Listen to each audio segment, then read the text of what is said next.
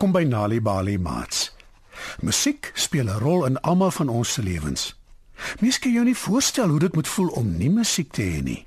In vanaand se storie, die musiekboog deur Zanele en Lovu, hoor ons van 'n tradisionele Afrika musiekinstrument bekend as umagweyani, oftewel 'n musiekboog. Dit lyk soos 'n jagtersboog, maar die verskil is dat die boogsnaar gebruik word om klank te maak, nie om pile af te skiet nie. Die musiekboog het baie jare gelede 'n belangrike rol gehad in die musiek van die San, die Khoisas en die Zulus.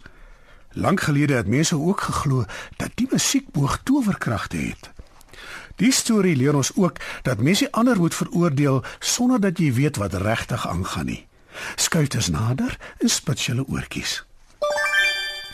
Lank, lank gelede het daar 'n vrou gewoon teen die hange van 'n berg in Afrika. Die berg was naby 'n klein dorpie, maar Bavikile, dit is die vrou se naam, word nie toegelaat om in die dorpie te bly nie. Die rede daarvoor is dat sy die musiekboog bespeel en dat die mense van die dorpie, omdat hulle oningelig is en nie die musiekinstrument ken nie, bang is daarvoor. Hulle glo Bavikile het towerkragte Arme Bavikile moet 'n stoksiel alleen woon met net die voëls, die bome, die bokke wat op die berg wy en die sterre as geselskap. En natuurlik die klanke van haar musiekboog. Onder op die dorpie woon daar 'n vrou met die naam Nozulu.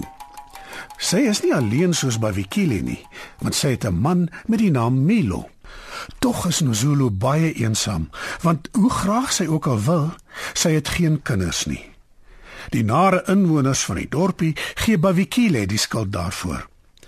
Hulle vertel dat sy Nozulu met haar musiekboog getoer het, wat glad nie waar is nie. Nozulu glo dit glad nie. Sy weet die mense praat uit onkundigheid.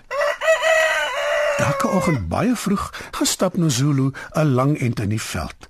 Dan luister sy na die klank van die musiekboog in die verte op die berg.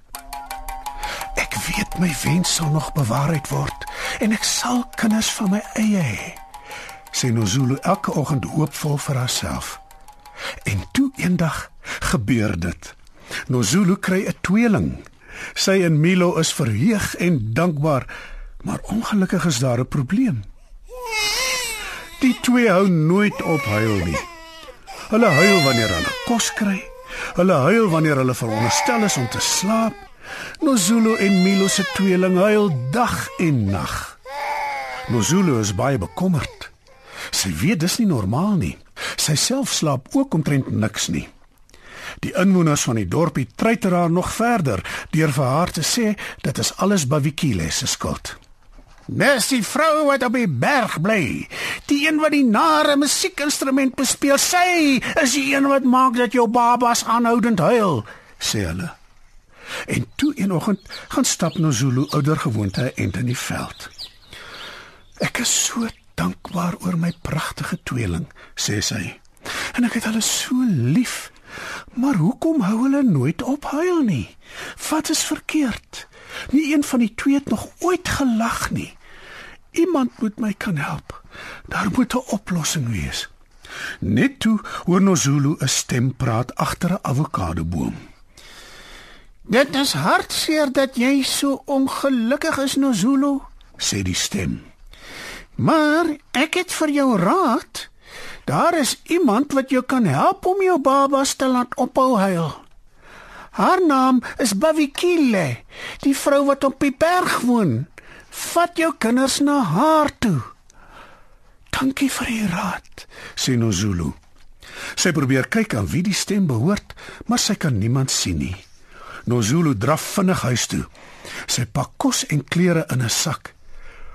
Toe vat sy haar twee babas en sonder om vir enige iemand te sê, loop sy na die berg toe. So ver as wat Nozulu loop, huil haar tweeling.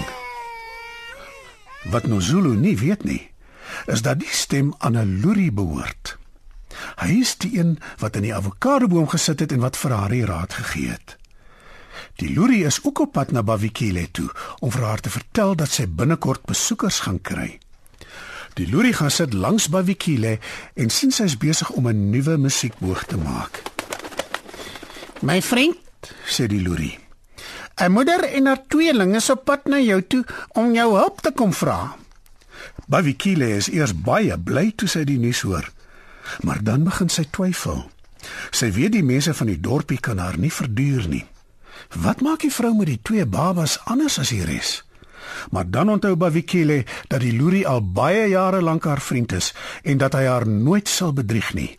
En sy is weer opgewonde oor die vooruitsig. Ek is so bly, so bly, so bly, neurie sy. Nie lank daarna nie, toe Bavikile uit haar huis kom om haar besoekers te ontmoet, sien sy Nozulu op die grond sit met haar twee huilende babas. Toe Nozulu Bavikile sien, skep sy dadelik moed.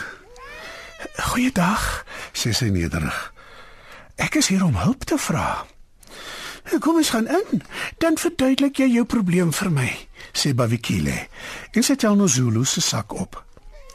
Terwyl hulle by Bavikile se huis ingaan, verduidelik Nozulu: "My kinders huil dag en nag van die dag toe hulle gebore is." 'n Stem in 'n avokadoboom het my aangeraai om hiernatoe te kom en hulp te vra. Bavikile vat die twee babas by Nozulu.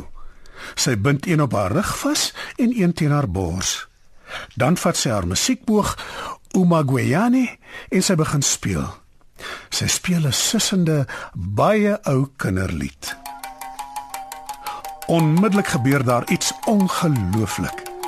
Nozulu en Milo se kinders begin glimlag en daarna lag hulle hardop vir die heel eerste keer in hulle lewens. Nozulu is verstom. Haar kinders is al 7 maande oud en nou uiteindelik vir die eerste keer lyk hulle gelukkig. Dit is ongelooflik, sê Nozulu. Baie, baie dankie daarvoor. Hoe kan ek jou ooit vergoed hiervoor? Dit sou wonderlik wees as jy een keer 'n week vir my kom kuier, antwoord Bavikile. Ek het geen familie of mensvriende nie. My vriende is die voëls, die bokke, die bome en die sterre. Maar natuurlik, beloof Nozulu. Ons sal elke week vir jou kom kuier. Nozulu en haar tweeling bly eers 'n ruk by Bavikile voordat hulle huis toe gaan. Nozulu leer hoe om die musiekboog Umagweyane te bespeel en ook hoe om die sissende ou kinderlied te speel. En van toe af lag en sing Nozulu se tweeling. Milo en al die ander inwoners van die dorpie is verstom. Nozulu vertel almal hoe Bavikile haar gehelp het. Sy vertel hulle dat die musiekboog 'n tradisionele instrument is waarop baie ou volksliedjies gespeel word om 'n liefde vir 'n mens se kultuur te kweek. Die verbaasde inwoners begin dans en saam sing toe Nozulu haar eie musiekboog begin bespeel. Niemand beskuldig Bavikile daarna ooit weer dat sy towerkuns beoefen nie, want hulle ken die waarheid. Baie van hulle gaan ook nou by haar besoek af lê en leer ook by haar om die musiekboog te bespeel. Almal is gelukkig en hulle het groot respek vir die musiekinstrument, die tradisionele umagweyane. En Bavikile, sy is ook gelukkig want sy het uiteindelik mense vriende wat haar besoek en omgee vir haar en haar nie veroordeel nie. Wanneer kinders tuis stories hoor, help dit hulle om beter leerders te word op skool. Vir meer stories om vir kinders voor te lees of vir stories wat kinders self kan lees, besoek ons by www.nalibali.mobi. Daar is heelwat stories in verskeie tale absoluut gratis beskikbaar. Daar is ook wenke oor hoe om stories vir kinders te lees en met hulle te deel sodat hulle hulle volle potensiaal kan ontwikkel. Nalibali is ook op Facebook. Story Power. Bring dit huis toe.